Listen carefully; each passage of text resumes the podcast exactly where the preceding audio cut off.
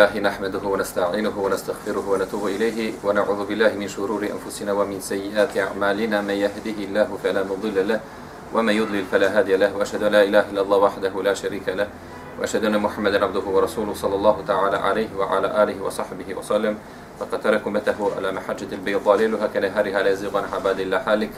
فإن أصدق الحديث كتاب الله وخير الهدي هدي محمد صلى الله عليه وسلم وشر الأمور محدثاتها وكل محدثة بدعة. wa kullu bidatin dalale, wa kullu dalate finnar. Posle zahvala Allahu subhanahu wa ta'ala, pošto smo donuli salavat i salam na naših poslanih poslanika i na Allahu kminilika Muhammeda sallallahu alaihi wa sallam, draga braća, salamu alaikum wa rahmatullahi wa barakatuh. Ima Bukharija i ima Muslim, rahimahumullah, bilježe predaju od Berra radijallahu ta'ala anhu, da je vidio Allahu poslanika sallallahu alaihi wa sallam, kako na svom vratu nosi Hasane i govori Allahu moj, ja ga zbilja volim, pa voli ga i ti. Također imam Buhari od Ebu Bekreta radijallahu ta'ala anhu, bilježe da je Allahu poslanik sallallahu alaihi wasallam bio na mimberu, na kojem se uz njega nalazio i Hasan, koji je čas gledao u ljude, a čas gledao u svoga djeda. Pa je poslanik sallallahu alaihi wasallam rekao, ovaj moj sin je gospodin, ovaj moj sin je velikan, inne hada ibnun sejidun. لعل الله yuslih bihi بين فئتين عظيمتين من المسلمين Mislim, nadam se, vjerujem da će Allah preko njega ujediniti dvije velike skupine između muslimana. Znači, to je naš poslanik, sallallahu alaihi sallam, izrekao za Hasana, a pred, predaju za bilježi imam Buharija. Ima Buhari također bilježi od Usami ibn Zejda, radijallahu ta'ala anhu, da je Allah poslanik, sallallahu alaihi wasallam, uh, uzeo naručje Hasana i Huseina, pa je rekao Allahu moj, ja ih volim, pa ih voli i ti.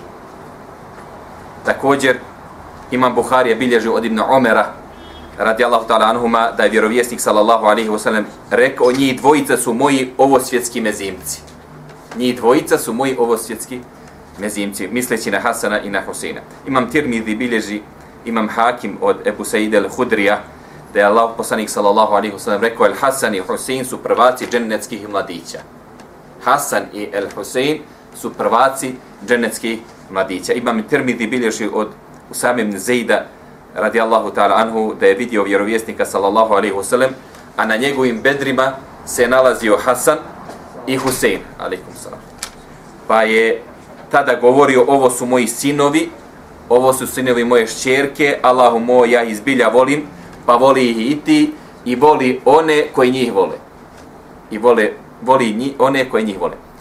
Na osnovu ovog hadisa zaključujemo da je jedan od jako laganih načina da zaslužimo ljubav gospodara svjetova da volimo Hasana i Huseina. Da volimo Hasana i Huseina radijallahu ta'ala anhuma. El Hakim od Ibn Abbas radijallahu ta'ala anhuma bilježi da je vjerovjesnik sallallahu alaihi wasallam nosio na, vrata, na vratu svome Hasana. Znači stavio na svom vratu Hasana, pa kaže, naišao jedan čovjek i prokomentarisao kad dječače divnu li si jahalicu uzjahao.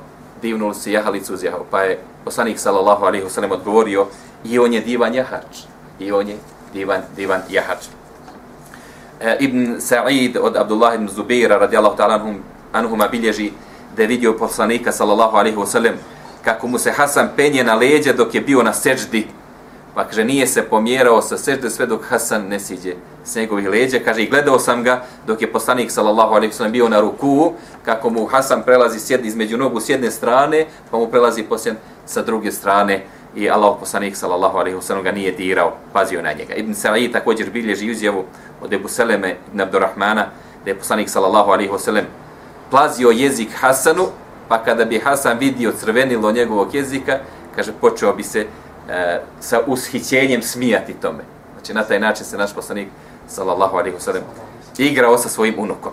Kada je mnogobrojne, mnogobrojne predaje koje govore o tom bliskom odnosu e, Hasana i Huseina sa našim poslanikom Muhammedom sallallahu alaihi wasallam i njegovom ljubavi prema njima, prema njima dvojici.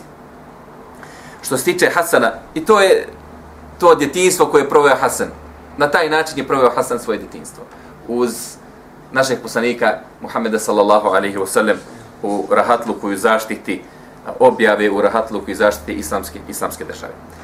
Što se tiče njihove uloge i mjesta tokom e, trojice hilaf, halife prije Alija radijallahu talanhu, e, također su u, uživali u jednom blagostanju i u jednoj povlaštenom životu. I za Hasana radijallahu ta'ala nam se e, spominje da je tokom trojice predodnih halifa, prije nego što je hilafet preuzeo njegov otac, učestvovao u oslobađanju Azerbejdžana i učestvovao u oslobađanju Egipta. Znači sa muslimanima je učestvovao kao vojnik prema novim osvajanjima i prema novim oslobađanjima. Dok je trajala opsada Medine, spominjali smo prošli put opsadu Medine od 40 dana, kraj opsade je bio kada je ubijen Osman radijallahu ta'ala anhu, kaže Iračana, Iračani i Egipćani kad su okolili Medinu, Imam Hasan savjetovao je Aliju da napusti Medinu. Imam Hasan radijallahu ta'ala anhu savjetovao je svoga oca imama Aliju da napusti Medinu kako bi se sačuvao fitne i kako bi se sačuvao neprijatnosti koje su mogle zadesiti Aliju radijallahu ta'ala Pa je Alija to odbio. E, s druge strane, kada je bila bitka kod Deve, kada je Alija radijallahu ta'ala anhu uputio se prema Kufi kako bi se susreo, znate, sa 10.000 boraca, isto smo prošli put govorili, sa 10.000 boraca kad je krenuo prema Aishi, Talhi i Ezubeiru, Hasan ga je savjetovao da ne radi to. Da ne ide prema, prema njima, jer se bojao doći će do muslimanskog krvoprolića. Međutim, opet kažemo, naš Alija radijallahu ta'ala anhu nije pristao na njegove savjete, nije uvažio njegovo mišljenje, već je, već je e, otišao. Iako su imali drugačije mišljenje. Hasan se, znači, nije slagao sa svojim ocem ni po pitanju ostanka u Medini tokom opsade, niti po pitanju odlaska u Kufu e, radi susreta sa e, uh, Ajšom, Talhom i uh, Zubeirom. Ipak je na posljedku poslušao svog oca i pratio i svoga oca u svim događajima tokom Alinog hilafeta. Hasan radijallahu ta'ala anhu imao je oprečna mišljenja sa svojim ocem Alijem. Ali u tom smislu konsultovanja, prije nego što se stvar desi, nemoj biti u Medini, najbolje da napusti. A vidimo da je to donijelo štete uh, Ali radijallahu ostanak u Medini. Jer je na posljedku uh, ubice Osmana upravo su se okupile oko Alije, ubice Osmana su upravo okupile oko Ali i to je donijelo jako veliku fitnu, to je donijelo optužbe Ali da je on učestvovao u ubistvu Osmana i pričali smo o tome, o tome prošli put. S druge strane, odlazak prema Ajši, Talhi i Zubeiru radijalahu ta'ala anhum, sa sobom je povlačio mogući sukob. Do sukoba je stvarno kasnije i došlo. Zbog čega je Alija žalio, ali Hasanu je bilo mišljenje da ne treba uopšte ići tamo. Znači, nemojmo, neka se oni obračunaju, ako žele da istraže Osmanovo ubijstvo, neka idu. Međutim, Alija nije mogao da dozvoli. Ja, halifa, ja upravljam muslimanskom teritorijom i muslimanskim uh, životima.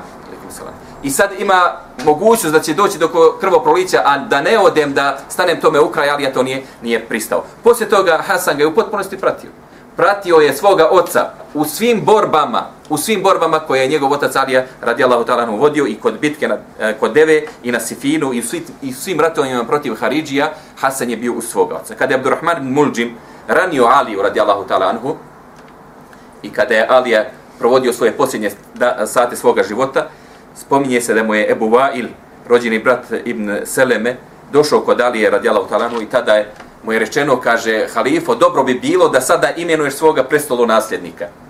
Na samrtičkoj postelji, ali je ranjen, svi su pokazatelji da neće preživjeti to ranjavanje, kad već vidimo da nas napuštaš, ostavi nam prestolu nasljednika, imenuj čovjeka koji će te naslijediti. Pa je radijallahu ta'ala anhu tada rekao, ni naš poslanik sallallahu alaihi wasallam nije imenovao svoga nasljednika. Pa ako Allah bude želio ov, ovom umetu hajr, postavit će da tim umetom bude predvodnik najbolji čovjek među njima. A ako ovom umetu ne bude želio hajr, onda će staviti nekog drugog. Isto onako kao što je želio hajr umetu Muhameda poslije smrti Muhameda sallallahu alaihi wasallam. Nije imeno svog prstolu nasljednika, ali je radi Allahu ta'ala. Onda Ebu Bekra proglašava i smatra najboljim čovjekom poslije poslanika Muhameda sallallahu alaihi wasallam na način Allah je htio umetu hajr pa je podario da taj umet vodi najbolji čovjek među njima, odnosno Ebu Bekar radijallahu ta'ala anhu. E, nije imenovao svoga nasljednika, nije imenovao prestolu nasljednika i Alija radijallahu ta'ala je ubrzo poslije ranjavanja umro. Hilafet je preuzeo Hasan, sin Alin, i kaže se da su mu prisugu prvi dali Tais ibn Sa'ad ibn Ubade el Ensari. Tais ibn Sa'ad ibn Ubade el Ensari. A o Sa'ad ibn Ubade el Ensari smo govorili ranije. Kad je bile prisega Ebu Bekar radijala ta'ala ono, ono što se desilo u Baši Benu e, Sakife, e, Benu Saide. Znači, ono što se tu desilo, e, to je vezano za tu, za tu ličnost. On je ubijen u Damasku. Ubijanju od strane muslimana.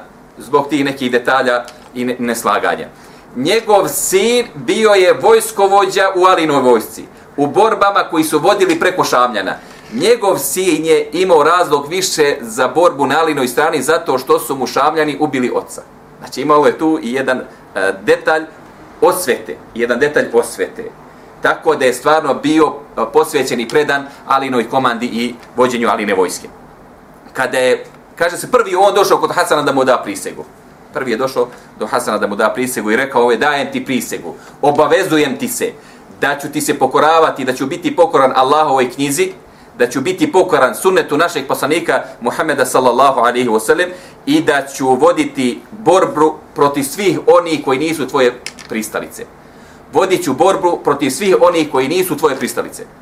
Pa mu je Hasan radijallahu ta'ala anhu rekao ne, ne može tako. Već samo mi možeš dati prisegu na Allahovu knjigu i na sunet našeg poslanika Muhammeda sallallahu alaihi wasallam. To je ono što nas okuplja. To je ono što nas ujedinjuje. A da će voditi obavezu, da će voditi borbu protiv svih njegovih neprijatelja, Hasan to nije htio da prihvati. Hasan to nije htio da prihvati. Poslije njega prisegu mu je dalo 40.000 boraca. 40.000 boraca mu je dalo prisegu.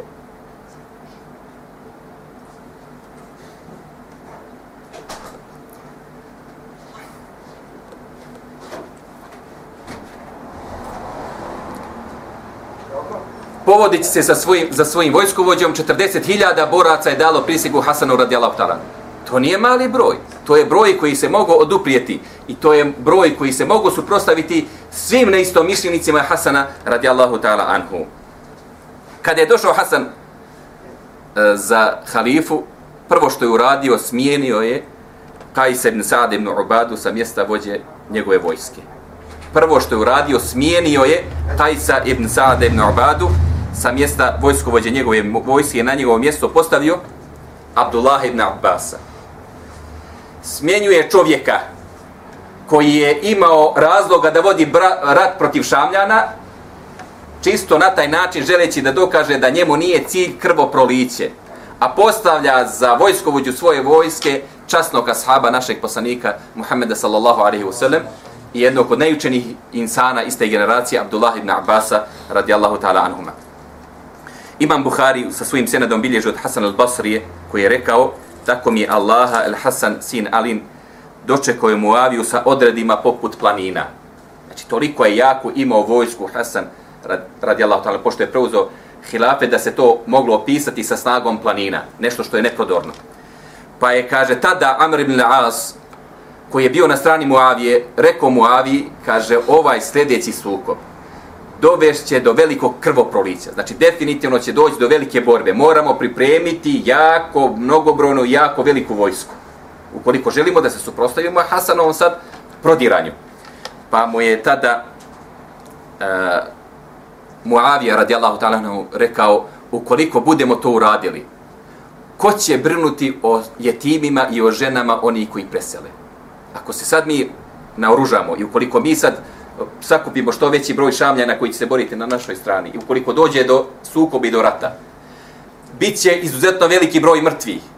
Ko će voditi računa o jetimima muslimanskim i ko će voditi računa o ženama, odnosno o udovicama. Već je Muavija radijala u Talanu uradio nešto drugo. Izabrao je dvojicu najuglednijih korejšija i svojih, i svog, iz svojih redova. Dvojicu najuglednijih korejšija i svojih redova je izabrao iz plemena Benu Abdul, Abdul Šems, izabrao je Abdurrahmana ibn Samura i izabrao Abdullah ibn Amir ibn Kureizu. Abdullah ibn Amir ibn Kureizu spominjali smo ranije, s obzirom da je bio jedan od namjesnika, bližnjih rođaka i namjesnika Osmana, tokom vladevine Osmana radi Allah Pa je oporučio im je, idite kod Hasana i pokušajte doći do dogovora. Ponudite mu sve što ste u mogućnosti samo da dođe do dogovora. Pa su oni otišli kod Hasana radi Allahu ta'ala koji je primio i otvoreno su mu tražili i rekli da ukoliko je spreman da e, preda vlast Muavi, da za uzvrat može tražiti šta god hoće. Da za uzvrat može tražiti šta god hoće. Pa je Hasan počeo da se premišlja oko toga. E, ni njemu se nije išlo u rat, niti je njemu bilo drago da se prolijeva krv muslimanska. Ne da njemu nije, ni njemu nije bilo drago, nego njemu je još manje bilo drago nego što to bilo Muavi radi Allahutana. Jer je on definitivno čas, časniji asab i časnijeg porijekla je Hasan nego što je to Muavija, iako je Muavija stari, iako je Muavija pisar, pisar Allahove objave. Kaže se tada da Hasan radi ta'ala nije zatražio ništa od ove dvojice da mu oni nisu dovoljili. Šta god je zatražio, znači ukoliko bi ja odustao od vlasti, tražio bi to, nema problema. I to, i to, i to, i to, i to, i to. Šta god je tražio, oni su rekli, nema problema. Oni su rekli, nema problema. Historičari ne bilježe uh, baš koji su bili detalji dogovora. I šta su bile tačke koje je Hasan radijalahu talanu tražio, ali se pouzdano zna za dvije tačke. Prvo, da je Hasan tražio da više Muavija, niti Šamljani, niti Osmanova porodica više neće tražiti nikakvu krvarinu. Nikakvu krvarinu svo krvoproliće koje se desilo u sukobima prethodim od smrta i Osmana, pa sve do smrti Alije, da više nema potraživanje krvarine. Ti si ubio moga, ja sam ubio tvoga, tu ne bi bilo kraja dok bi se to a, završilo, dok bi se to a, okončalo. To je bilo prvi uslov, nema krvarine. Drugi uslov kaže se da je tražio velike svote novca automatski u tom trenutku kad bude predao vlast i redovne svote novca godišnje znači velike svote novca, o izuzetno velike svote novca u tom trenutku kad bude predao vlast i redovne svote novca koje su trebali biti godišnje dok god je, dok je, god je on živ. I na to je Muavije pristao. Na to je Muavije pristao i kaže se da su i Šama, karavane, jahalica otišle na tovare na raznim a, vrijednostima, raznim blagom i zlatom koji su otišli u pravcu Hasana. Hasanu, radijallahu ta'ala, anu je to bilo potrebno da bi podmirio troškove svoje vojske. Ljudi koji su se borili na njegovoj strani, sad će se on povući, otići će po znacima navoda u penziju, ljudima koji su se borili na njegovoj strani ostaju neizvjesno, ništa nisu dobili. Borili smo se za tebe, nismo od tebe ništa, ništa dobili, nije htio da im ostane duža ništa, već je od tih velikih svota novca a, platio, platio a, svoje vojsci. To se dos, desilo 41. hijđarske godine, 41. godine po hidžri i ova godina se zove Amul Džema'a, odnosno godina pomirenja. Godina pomirenja, I u tom tim trenutkom, tim gestom, tim postupkom Hasan radijallahu ta'ala je ispoštovao i izvršio hadis našeg poslanika Muhameda sallallahu alejhi ve sellem inna hada ibnu sayyidun ovo je moj sin je gospodin. Ovo je moj sin je prvak predvodnik. Mislim da će Allah preko njega ujediniti dvije veličanstvene vojske muslimana. Poslanik sallallahu alejhi ve sellem i je, Hasanovu odnosno Alinu vojsku i Muavinu vojsku naziva imenom veličanstvene vojske. To su muslimanske vojske, iako je došlo do nesporazuma među, među njima. Ima Buhari bilježi od Ebu Bekreta, od Ebu, nije od Ebu Bekra, nego od Ebu Bekreta. To je drugi asab našeg poslanika Muhammeda sallallahu alaihi wasallam. Ima žensko T na kraju svoga imana. Bilježi da je poslanik sallallahu alaihi wasallam bio na Mimberu dok je Hasan bio kod njega na Mimberu, pa je Hasan gledao malo poslanika malo u narod i na to je naš poslanik sallallahu alejhi ve sellem rekao ovaj, ovaj moj sin je gospodin pa mislim da će Allah njim preko njega ujediniti dvije veličanstvene muslimanske vojske.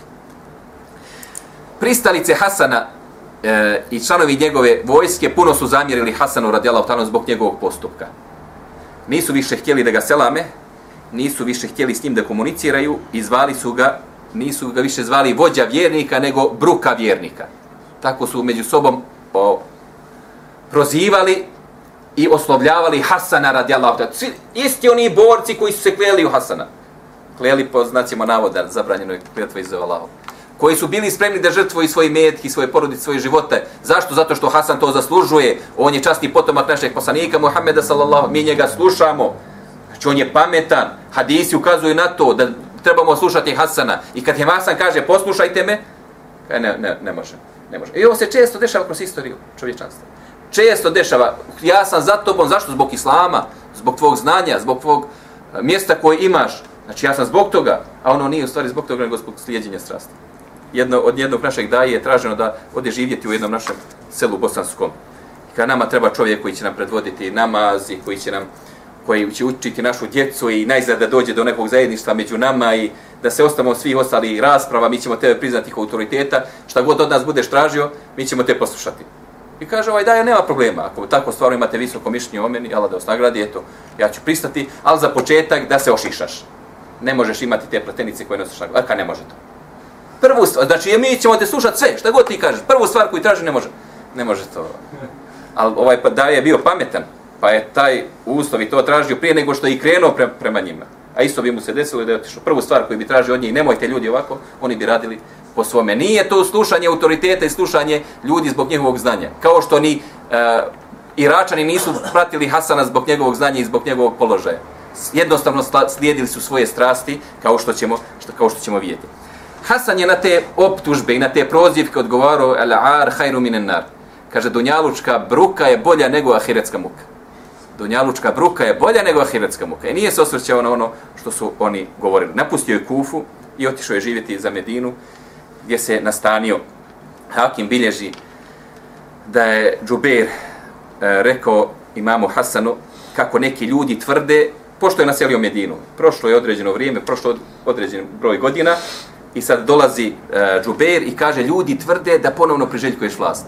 Da ponovno bi možda se ti e, nominovo za, za helifu muslimana.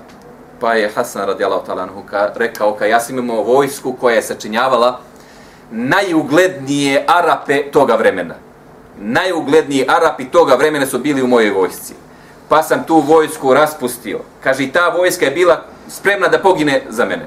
Da bi me sačuvala, da pogine za mene. Kaže, ja sam vojsku s takvim ciljem i s takvim ljudima raspustio da bi se uspostavila jedinstvo. Kaže, zar misliš da bi ja sad mogao da povratim te ljude i tu vojsku i da uspijem išta da uradim u uspavanom narodu Hidžaza? Jer ljudima već je bilo dosta ratovanja. Znači, pusti sad Muavija je halifa, da mi slušamo Muaviju samo više da međusobno ne ratujemo. Hasan je to dobro znao, da on više nema šanse da okupi tako veličanstvenu vojsku i tako veličanstvene pojedince u svojim redovima. I na taj način je odgovarao od optužbi da je on želi da Eh, organizira ponovni povratak na vlast. Ibn Sad od Imna, Imran ibn Abdullah ibn Talhe bilježi da je Hasan usnio, kako mu na čelu piše, Kul huvallahu ahad. Kul huvallahu ahad. Pa su se tada njegovi ukućani obradovali.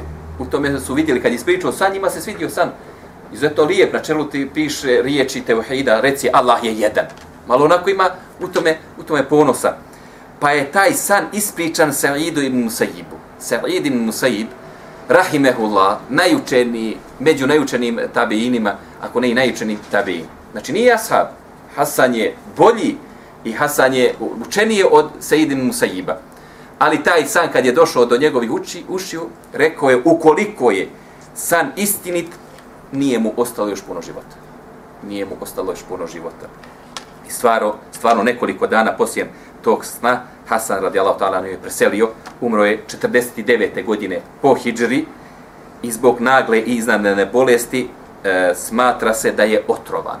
Smatra se da je otrovan. U knjizi Tabakatul Kubra stoji da ga je brat Husein pitao o tome ko je to mogao učiniti. Znači, razlog bolesti, ko je mogao učiniti i ko je mogao sipati otrov u njegovu hranu, pa je rekao Allah je veći osvetnik ukoliko je to onaj na kog ja sumnjam. Ukoliko je to onaj na kog ja sumnjam, Allah je bolji osvetnik od mene, međutim Allah mi niko sa moje strane neće biti ubijen nevin. Znači on ne zna sigurno, nije vidio, ukoliko ta osoba ne prizna, nikad neće biti siguran je li ga on otrovo ili nije. Ne želi da izvrši smrtnu kaznu na nevinog čovjeka. Uvijek ostaje vjerovatnoće da ta osoba nije to uradila. E, neki tvrde da ga je otrovala njegova supruga Džurde bint el-Eš'as, koja je bila iz jemenske porodice i računala se da je njena porodica imala status vladara u toj pokrajini, tako da se to računala poput jednih od princeza. Kaže se, postoji mišljenje da ga je ona otrovala i to po nagovoru jezida. Muavin sin jezida je nagovorio da otruje Hasana, obećavajući je kad on umre, oženit ćete ja i pružit ćete i omogućit ćete raskošan život. Raskošan život, pa kaže, kada je Hasan preselio, ona je poslala Haber jezidu i zatražila da ispuni ono što je jezid obećao, pa je rekao, tako mi Allah, mi nismo bili zadovoljni da ti budeš Hasanova žena, a ne da budeš moja žena. A ne da budeš moja žena. Međutim, ova predaja nema utemeljenja. Koja bi to žena pristala da ubije muža Hasana, poslanikovog kunuka, najljepšeg čovjeka moralom i fizičkim izgledom toga vremena da se uda za jezida koji imao jako upitne karakterne vrijednosti.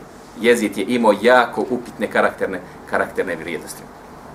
Imam Hasan i prije novog slučaja u tri navrata je kušao otrov, pio je otrov u tri navrata, znači osjetio je e, zdravstvene probleme poslije od konzumiranja određenih hrana u tri, u tri navrata. Ali nikada količina otrova nije bila dovoljno da bi, da bi e, umro, da bi od toga preselio. Međutim, četvrti put, poslije 40 dana bolesti, e, on je podlegao e, ovom trovanju. U osnovi ništa od tvrdnji vezano za njegovo ubistvo ne može se dokazati, nema adekvatnih dokaza, nema vjerodostojnih dokaza, to se nije ustanovilo tada u tadašnjem vremenu, a pogotovo neće 14 vijekova, ne znam, forezničari ako šta uspiju da, da urade, ali to u osnovi ne možemo, ne možemo to podvrgnuti takvim ispitivanjima.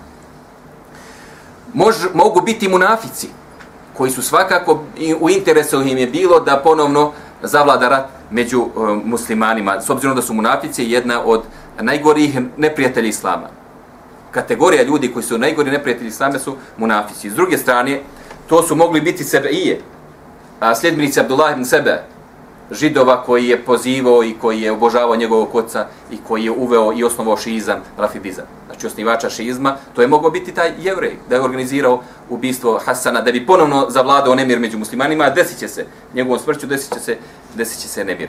Njegovo ubistvo su mogli da izvrše Haridžije, jer je Hasan bio vojskovođa kada je bila bitka na Nehrevanu. A u bitci na Nehrevanu mi smo spominjali da su tada od 4000 Haridžija 1000 je ubijeno, a 3000 je protjerano. Taj pokret je tada u tom trenutku ugušen.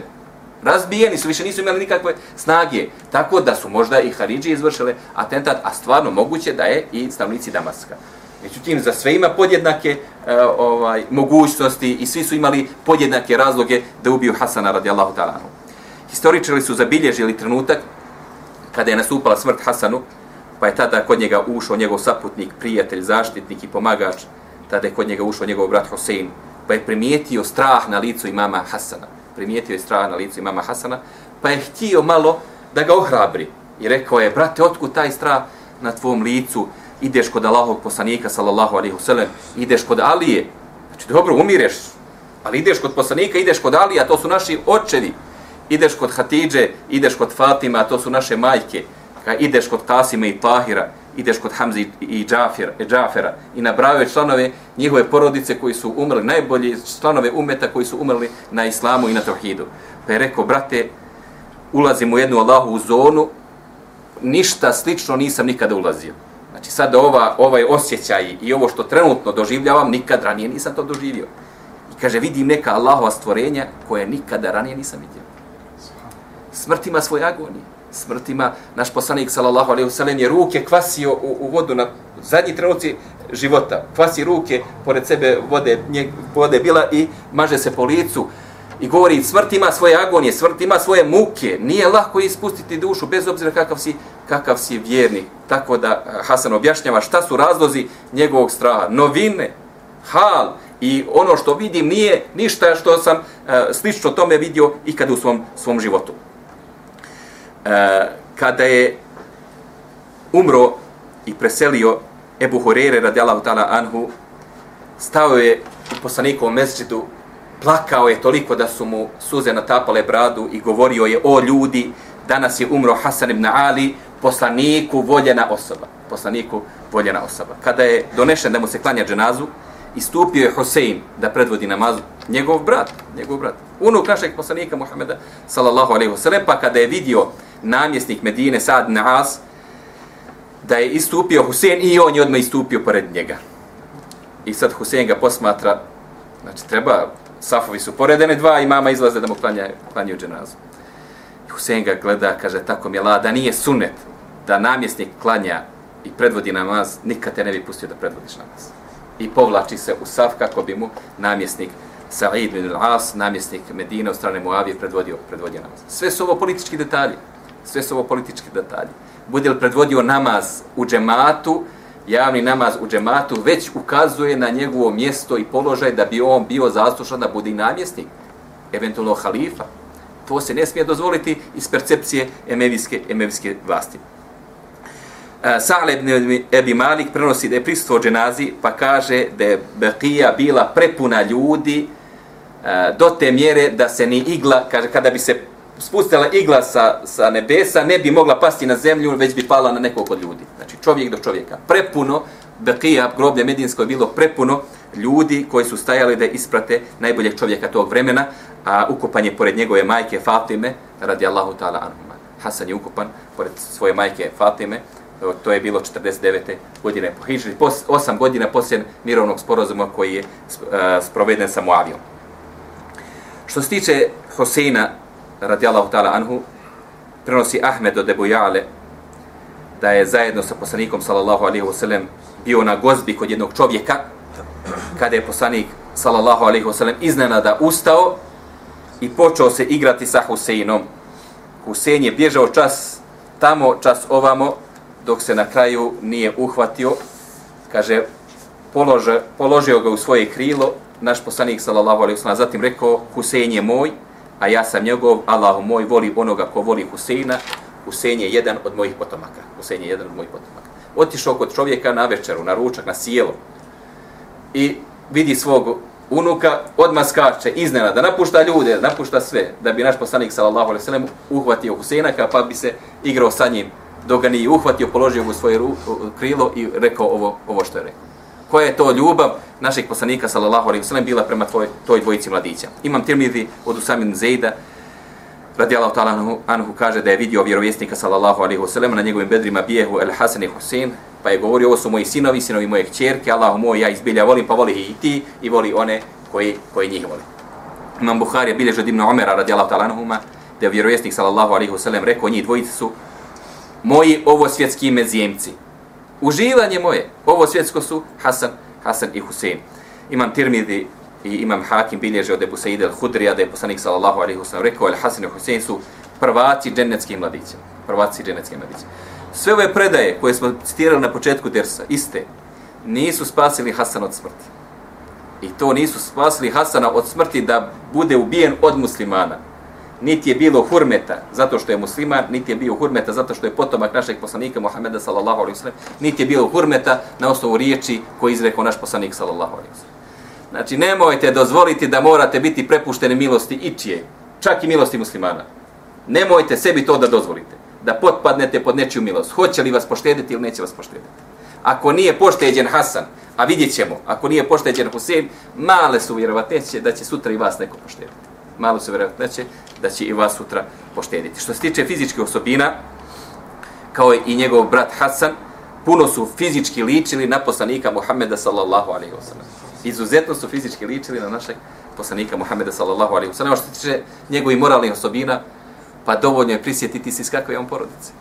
Poslanikov unuk Alin sin Fatimin sin kako ko može biti morala i kako ko može biti ponašanje. Kaže se da je puno udjeljivo na Allahov putu da je puno klanjao za Hosena se spominje da je puno klanjao spominje se da je 25 puta obavio hadž 25 puta obavio hadž a u više navrata je hadž obavio pješke dok je karavana išla pored njega. Neće da ga ostave. Oni idu, ostale hađije idu na, svoj, na svojim jahalicama, Hosein neće da koristi jahalicu, već ide pješke, želeći da Allahu u susret, Allahu u goste ode, ode pješke ne koristeći nikakvu jahalicu. Bio je darežljiv i puno je udeljivo sadakom. Potom je ostao zapamćen.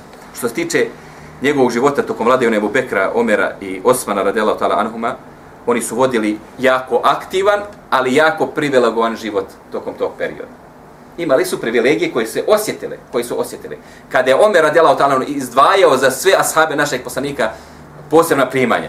Znači ashabi koji su imali uh, određenu vrijednost za vrijeme poslanika veću nego ostali, Omer je odlučio da im se da određene, određena primanja, obavezujuća mjesečna primanja. Ali je imao ta primanja, posebna primanja imao Hasan, posebna primanje imao Husin.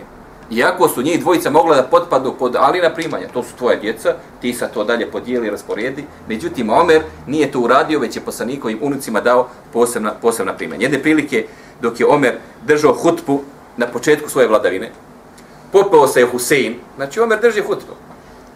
Penje se Husein radijalahu ta'ala anuhuma i traži od Omera, kada siđi sa mimbera moga oca, i popni se na mimber svoga oca. Siđi sa mimbera moga oca i popni se na mimber svoga oca, pa moj Omer rekao, moj otac nije imao mimber, mimber. Znači, moj otac nije imao mimbera, a reci mi ko te je na to nagovorio? A rekao, nije mene govorio niko.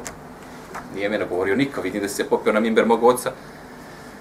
Kaže, tada je Omer radijela u Talanahu Ostavio ga pored njega da sjedi, znači nije ga dirao i rekao, ako budeš u prilici, dođi kod mene u posjetu. Posjeti me nekada i nastavio je hutbu. A poslije par dana, Hosein je otišao kod Omera, kod halife Omera, tada kao halife. Kaže, vidio je kroz prozor da halifa sjedi sa Muavijom i sa još nekim ashabima. A, a Omerov sin Abdullah sjedi pred vratima. Abdullah sjedi pred vratima. Ne može on da sjedi sa tim ljudima u tom sjelu. Pa kaže, kad je vidio Husein kako a, Abdullah ne sjedi sa tim ljudima, mislio ni on nema mogućnosti da sjedne sa tim ljudima, pa je izašao, otišao je. Poslije par dana Omer ga radijela o sretni, kaže, zašto nisi došao? Pozvao sam te bio. Kaže, dolazio sam, pa sam vidio da sjediš sa tim ljudima, vidio sam Abdullah kako sjedi pred vratima, pa kaže, mislio sam da nije onda ne zaslužujem da sjedim sa vama, pa kaže, tada mu je stavio ruku na glavu i rekao, tvoje pravo je veće kod mene nego prava moje porodice. Tvoje pravo je veće od mene nego pravo tvoje, moje porodice. Poslije na Allahovog zadovoljstva i poslije na Allahovog mišljenja, ništa mi nije preče od vašeg mišljenja. Ništa mi nije preče od vašeg mišljenja, pa mu je stavio svoju, svoju ruku na, na njegovu glavu. Pretpostavlja se, mislim da, interesirala me onako, pokušao sam da zaključim, mislim da je tada Hussein imao oko 10 godina. Ne više. Znači, to je bilo dijete. To je bilo dijete. Pogledajte Omer, radijala Talanu, pogledajte kao prvo njegove pronisljivosti. U osnovi jako bistro. Siđi sa mimbera mog oca i popri se na mimber svoga oca ipak on se na uh, Ebu Bekra bio navikao. Znači, dvije godine tog perioda navikao se bio da sad nema Ebu Bekra, sad se popeo neko treći. Dajte, ljudi, to je mimber mog, moga, moga oca. A s druge strane, odnosa Omera radijala pre, prema desetogodišnjaka. Znači, mi bi čvok, hajde malac, razliku.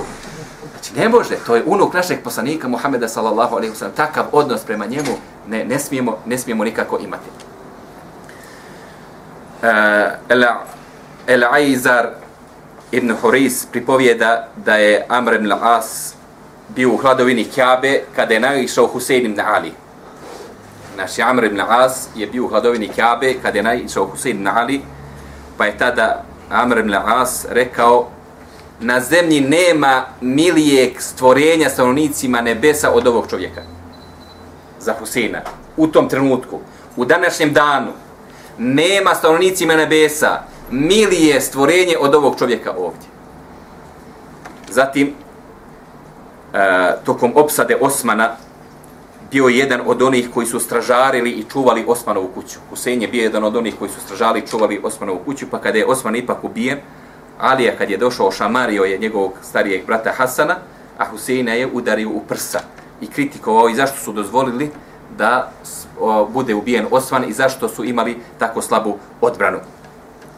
Poput svoga brata Hasana učestvovao je u svim bitkama sa svojim ocem, u događajima koji su se desili tokom Aline vladavine i za razliku od svoga brata e, Hasana, Hosein se u svemu slagao sa svojim ocem. U potpunosti se u svemu slagao sa svojim, sa svojim ocem, imali su identične odluke i identične, identične razmišljanja. Uh, Husein se oštro protivio Hasanovoj, Hasanovom odustajanju od vlasti. Znači, Husein se nikako nije slagao kada je Hasan odlučio da odustane od vlasti u korist Muavija radijalahu ta'ala anhu, smatrao da nema razloga za kompromis i da je istina na njihovoj strani i da su oni istina na njihovoj strani, a brojčani su jači. Znači nema nikakvog razloga, niti šerijetskog, niti dunjalučkog da odustanemo od našega, od našega prava. E, međutim, Hasan je znatnije bio upoznat sa karakterom ljudi koji su se borili na njegovoj strani. Sa karakterom. Jako je dobro poznavao Iračane. I Hasan se dobro prebojavao da kvalitet te vojske, problem njihov nije brojčano, nego karakterno. Karakterno da on ne bi uspio da se, da se odbrani od Moavine, od eventualnog Moavinog e, e, napada i njegove vojske e, tokom Hasanovog boravka u Medini, od Cilaska sa vlasti, kada je Hasan ocelio za Medinu, Husein je ostao i dalje u Irak. Ostao je u Basru i bio je imam jednog mesčita. I spominje se tada da je dočekivao razne e, delegacije stanovnika e, Iraka i obećavao im, kad preseli moj brat, ja ću preuzeti ni sivu da preuzem hilafet. Kad preseli moj brat Hasan, dok je god Hasan, on je smatrao da nije zaslužan da bude halifa. Ali kad preseli Hasan, da on ima pravo da bude halifa i obećavao je njim, tim ljudima da će, da će i priznati, da će im se ponuditi da ga priznaju za halifu. To dokazuju i pisma koja su po smrti Hasana slali Iračani i prisjećali Huseina, ti si nam obećao da ćeš preuzeti inicijativu preuzimanja vlasti, pa su tražili od njega da ispuni svoje obećanje. Muavija radijalahu talanhu držao se svoga ugovora i redovno je poslanikovi sallallahu alejhi ve sellem porodici slao novčane svote koje su od njega tražili, koje su ugovorom bile zagarantovane. To je naravno poslanikovoj porodici omogućavao jedan lagodan i normalan život, sve dok je Hasan bio, bio živ. Kada je Muavija radijalahu ta'ala anhu bio na samrtičkoj postelji, njegov sin, prestolonasljenik Jezid, nije bio tada tu. Jer je deset godina prije svoje smrti Muavija proglasio proglasio prestolonasljednika svog sina Jezida i tražio je od muslimana, od namjesnika svih pokrajina da priznaju budućeg prestolonasljednika da će njega priznati za halifu poslije njegove, poslije njegove smrti. S obzirom da nije njegov sin prestolonasljednik bio tu na samratičkoj postelji, on je pozvao šefa svoje policije Dahak ibn Qais al-Fehrija i rekao mu, kaže, prenijećeš mome sinu sljedeće. Što se tiče Korejšija, ne bojim se ni od kog od njih. Znači ja kad preselim, jezid će se proglasiti halifom i ja se po pitanju Kurešije ne bojim izuzav od trojice. Znači ja ko mora biti oprezan po pitanju tri osobe. Na prvo mjesto, El Husein ibn Ali, radijalahu ta'ala anhuma, zatim Abdullah ibn Omer i Abdullah ibn Zubair. I Abdullah ibn Zubair. Svima su očevi bili e, ashabi. I svim trojicima očevima obećen je džennet. Znači, jako veliku imaju ulogu među korišijama. Tako da Muavija pretpostavlja da bi njih trojica mogli uraditi nešto konkretno. Da bi njih trojica mogli uraditi nešto konkretno. Što se tiče, kaže Husina ibn Alija, to je nejak čovjek. Nema snagu. Husein ibn Ali nema snagu i ukoliko budu oni koji su ubili njegovog oca i koji su prevarili njegovog brata, ukoliko ga budu Eh, podstakli da preuzme hilafe, te se budeš borio protiv njega i budeš ga zarobio, budi milosti protiv njega. Odnosno, budi milosti prema njemu. Znači, nemoj da proljevaš njegovu krv. Sjeti se njegovog položaja u islamu, sjeti se kakvog je on porijekla, nemoj da zaboraviš ko je Husein ibn Ali. Ali on pretpostavlja, pogledajte, Muavija bio jako pronicljiv čovjek. I odluke zašto je on postavio svoga sine Jezida, zapreslo Za nasljednika nimalo nisu bile van pameti. Nimalo nisu bile van pameti. Ja o tom, nekad ćemo u budućnosti o tome, o tome govoriti. I sad govori o poručaj svom sinu. Opasnosti je Hosein ibn Ali. Ljudi koji će mu poružiti zaštitu su isti ljudi koji su ubili njegovog oca i koji su iznevjerili njegovog brata. Ko je ubio uh, Aliju radijalahu ta'ala? Za nije Abdurrahman Muldžim bio u vojci Alinoj.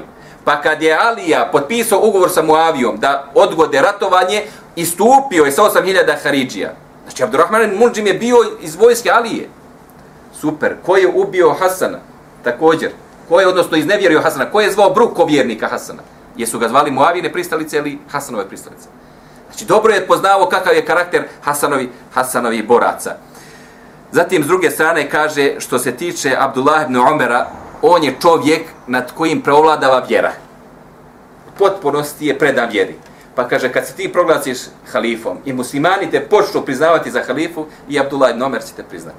Uopšte se tome neće uh, suprostaviti. Kaže, što se tiče Abdullah ibn Zubeira, kaže, za njega ne znam ti, prevrtljiv nije. Znači, trenutno mi je prevrtljiv. Kad je god javna neka uh, situacija, kad se mora Abdullah ibn Zubeir izjasniti prema jezidovoj vlasti u budućnosti, Abdullah ibn Zubeir se ne izjašnjava. Znači, javno se ne suprostavlja. Ali tajno, Abdullah ibn Zubeir nikako nije zato da jezid bude halifa. Da jezid bude, bude za halifa. Pa kažemo, ali on je nekako prevrtljiv. Što se tiče njega, ne znam, ne znam šta će biti. I na taj način, savjetuje ga, s kim god od njih budeš uspio da potpišeš ugovor, potpisuj. Samo nemoj da proljevaš krv, krv muslimansku.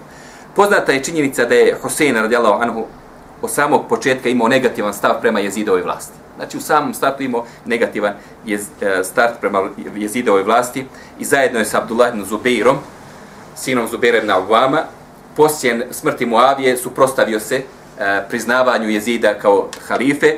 Spominje se tada da su njih dvojica bili u Medini kada je došla vijest da je Muavija e, preselio i da stanovnici Medine moraju dati prisegu, pa je namjesnik Medine odmah otišao kod nje kući i tražio da priznaju traži se riječ. Znači, ako ti priznaš za halifu, zna da poslije toga oni više neće praviti problema. Gotovo. Ako ga priznaš za halifu, poslije toga više neće praviti problema. Pa je namjesnik otišao odmah kod, kod njih kući. Pa su obojice rekli, nema ti koristi ako ga priznamo ovdje. Najbolje je bilo sutra u Mežđidu pred svima da da damo prisegu. Pa je u namjesniku se to svidelo, međutim oni su tokom noći otišli prema Mekke. Obojica su izašli iz Medine, nisu dali prisegu, nisu dali prisegu e, jezidu.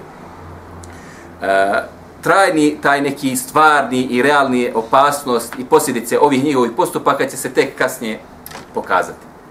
Koliko je došlo do krvoprolića zbog toga što nisu htjeli da priznaju za halifu, jer kasnije će doći do sukoba između Huseinove vojske i Jezidove vojske, a također će doći do sukoba između Abdullahove vojske i Hadžadžove vojske.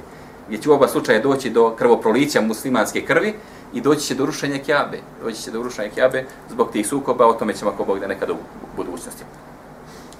A, što se tiče samog Hasana, a, on je imao, odnosno Huseina radijallahu ta'ala, on je imao obavezu prema stanovnicima Kufe kojima je obećao da će poslije smrti svoga brata i poslije smrti Muavije da će se on proglasiti za halifu, tako da je imao jednu moralnu obavezu. Uh, njegov odnos, Husenov odnos prema jezidovoj vlasti, prema emevijskoj vlasti, imao je te dvije etape neke. Prva etapa je bilo odbijanje prisege zidu i bijeg u, u Meku. I u Meki je proboravio nekih četiri mjeseca. Četiri mjeseca je proboravio u Mekke prisluškujući, osluškujući šta stanovnici kažu u jezidu, osluškujući šta stanovnici Iraka kažu u jezidu, je liko raspoložen da prizna njega za, za halifu. A, prvo, Husein je smatrao da ni sa šerijatskog aspekta, niti sa moralnog aspekta jezid ne može biti halifa. Kao osoba, kao čovjek nema osobine halife. Kaže se da je bio prevrtljiv, da nije bio, nije imao te karakterne osobine da bude vojskovođa, da bude muslimanski, muslimanski lider. S druge strane, Husein je tvrdio da je jedna od tačaka ugovora između Hasana i Muavija radela talanom bila to da se poslije njihove smrti princip izbora za vladara vrati na šuru. Da više niko neće imati pravo da imenuje prestolo nasljednika, već da će po smrti vladara sjesti uglednici muslimanski i dogovoriti ko će voditi muslimane. Tako kaže, prvo nije ispoštovao dogovor i princip šure, drugo i čovjeka kojeg je izabrao uopšte nije adekvatan da vodi da vodi e, ljude. Druga etapa koju je Husein radijallahu vodio e, protiv emevijske vlasti jeste preuzimanje svih potrebnih mjera i aktivnosti na planu otpora emevijskoj vlasti i okupljanje ljudi koji će priznati njega za halifu.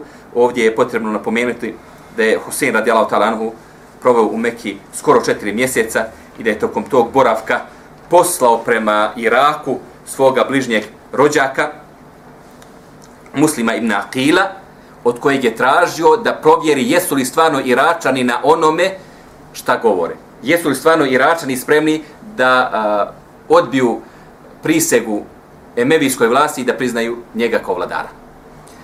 Tokom tog, tih četiri mjeseca, u posjetu kod e, Husena došao je Ibn Abbas.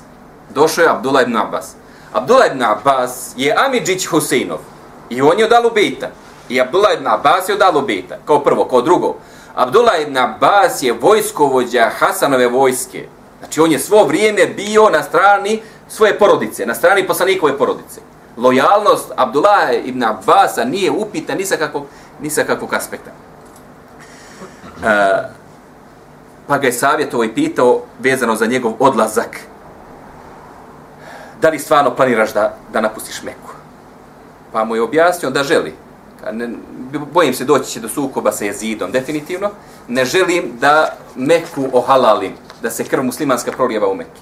Ja definitivno bio neće da prizna jezida za halifu. Jezid će doći zorom na to da ga nagovori. Zorom znači krvoproliće. Najbolje mi je da izađem, da izađem iz Mekke. Uh, ovako organizovano svoje djelovanje rasporedio je na način da je e, poslao, primao, osluškivo Iračane, primao pisma, govori se da je primao pisma na tovarene karavana dolazi sa pismima na adresu Hasan Huseina radijalahu ta'ala. Sve Iračani, stanovnici Basre i Kufe, dođi, dođi, znači samo dođi, sve ostalo. A ta ista pisma, sa istim porukama su dolazili kod Hasana. Pa kaže, kad bi došla njegova pošta, kaže Hasan, ili bi odma momentalno bacio u vatru, ili ukoliko nije naložena vatra, odma bi ih potopao u vodu, da bi popustila tinta. I govorio je brzo dok nije došao ovaj moj brat. Kaže, on ne zna ko je ubio njegovog oca. I on ne zna ko je iznevjerio njegovog brata. Znači, on uopšte ne zna ko su ljudi Iraka. Ko su ti ljudi koji se predstavljaju da će štititi njegovi metak, njegovu čast i njegovo, njegovo pravo. Uh, svi ashabi živeći koji su bili tom trenutku u Mekki negirali su Hoseinov odlazak van Mekke.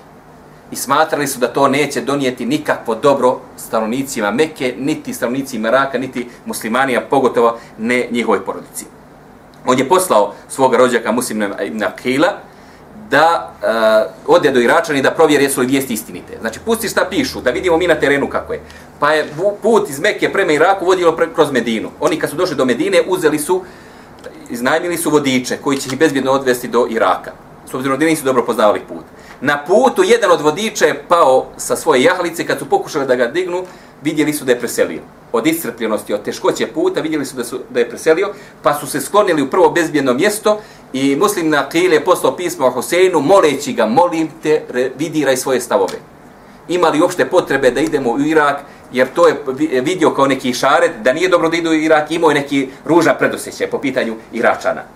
Pa kad je došlo pismo do Huseina, Husein mu je odgovorio i pod svaku cijenu od njega tražio da nastavi sa svojim putovanjem. Pod svaku cijenu je tražio da nastavi sa svojim putovanjem. On je otišao, došao do mjesta i e, prvo se sklonio kod najpoznatijeg pristalice Huseina i u tom trenutku, kada je došao namjesnik Iraka, namjesnik Basre, naginjao je Huseinu imao je izuzetno veliko poštovanje prema Huseinu. Tako da je klima u, u Basri u tim danima bila jako prijatna. Ali odmah u tim danima dolazi do promjene a, namjesnika.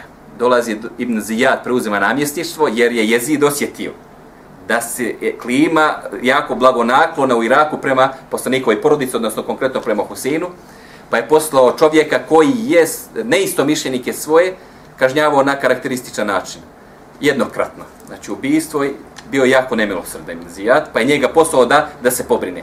Muslim na Kejl je mijenjao svoje lokalitete, mijenjao je svoje lokacije, ali vidio je da su stavnici Iraka super raspoloženi prema Hoseinu.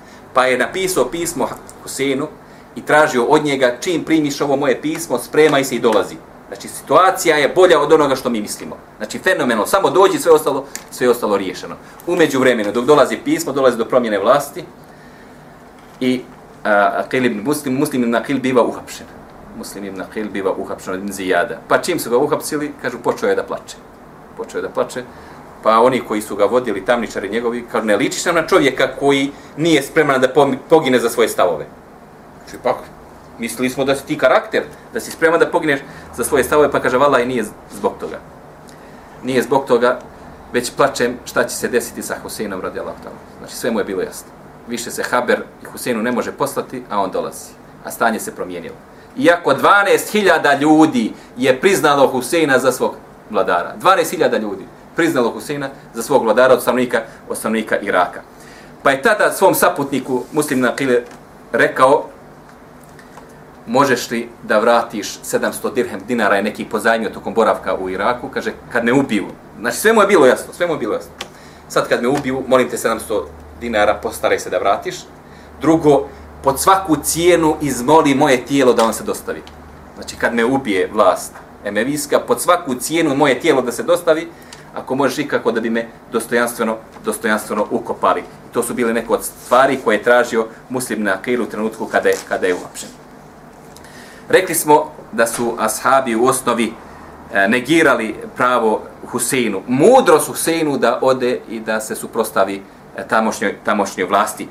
E, među onima koji su savjetovali e, Hasana, spominje se da je bio e, Omer ibn Abdurrahman, jedan od starijih ljudi Mekke, otišao je kod njega i direktno ga pitao, kaže, čuo sam, čujem glasine da ćeš da napustiš Meku i da ćeš otići u Irak, da te priznaju za halifu, pa sam došao od tebe da čujem, je to istina? Pa je ovaj potvrdio. I ovaj mu onda rekao, da li si spreman da prihvatiš savjet od mene? Jesi li spreman da saslušaš savjet od mene?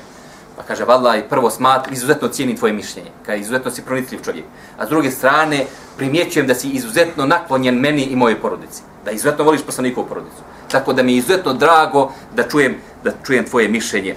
Pa ga je ovaj savjetovo, kaže, sinko, sinko moj, ti ne ideš u mjesto gdje nema vlasti, već ideš u mjesto gdje ima vladar a znaj da svaki vladar ima svoje riznice. I znaj da narod voli i metak. Ti ideš u mjesto gdje ima vladar, vladar ima riznice, narod voli i metak. Nemoj to da radiš, jer ćeš biti pogubljen. Jer ćeš biti pogubljen. Međutim, Hasan radijalo ta'ala saslušao ga onako kako priliči da sasluša stari osobu koja je prijateljski nastrojen prema tebi, zahvalio mu se, uradit ću ono što je Allah odredio, znači nije htio da se da se deklariše.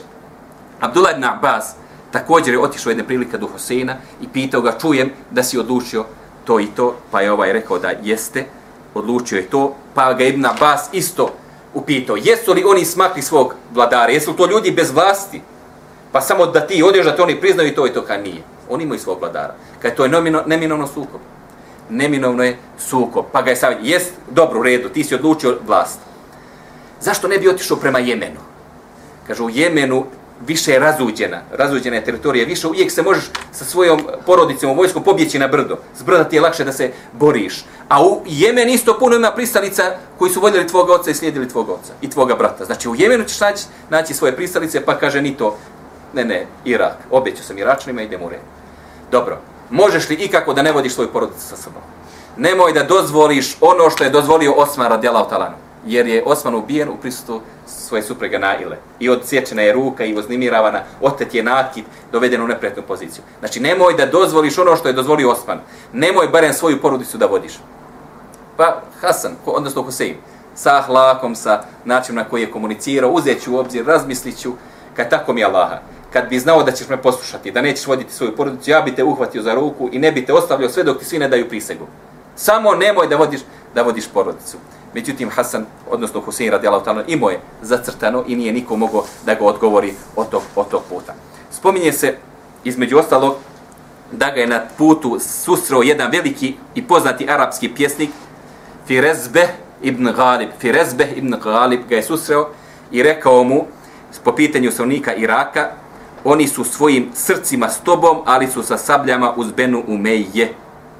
Oni su svojim srcima s tobom, ali su sa svojim sabljama od Benu Umeje, uz Benu Umeje i objasnio mu, govorio mu o Allahove odredbi.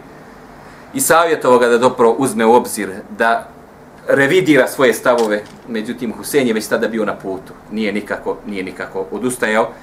E, kada je do njega stiglo pismo od Abdullah ibn Džafer ibn Abi Taliba, kojim je stajalo kad ti ovo budeš pismo dobio, najvjerojatnije ćeš već biti na putu prema Iraku, molim te, radi Božjeg eh, rizaluka, radi Božjeg, eh, radi mjesta Allaha kod tebe, nemoj da nastavljaš svoje putovanje. Desilo su se promjene, desilo su se neke izmjene, nije ni malo bezbjedno niti za tebe, niti za tvoju porodicu. Hosein je i pored toga nastavio da korača prema Iraku i nikako nije htio da iznevjeri ono što je obećao stavnicima, stavnicima Iraka. Navršilo se tačno sva vremena od, od ovog dersa, tako da ćemo ovdje napraviti stanku. Znači, došli smo do trenutka kada je Hosein radi Allah napustio Meku i krenuo prema Iraku kako bi ga tamošnje stanovništvo pomoglo i kako bi on ispunio svoje obećanje prema njima, očekujući da će oni ispuniti svoje obećanje prema njemu, a to je da će ga braniti svojom vojskom, da će braniti njega, njegovu čast, njegovu vlast i njegovu, njegovu porodicu. Molim Allah subhanahu ta'ala da ove riječi budu dokaz za nas, a nikako protiv nas, da se okoristimo u smislu da vidimo koliko je opasna fitna, ako se fitne i međusobno okupijanje nisu sačuvale prve generacije muslimana, onda je nama još teže da to da to uradimo. Ne govorimo o ovoj temi zato što volimo da slušamo o tužnim događajima iz prve generacije, nego zato što volimo da se podučimo i da izvučemo pouke iz njihovih iz njihovih života. Subhanaka Allahumma wa bihamdi, ashhadu an la ilaha illa anta astaghfiruka wa atubu ilayk.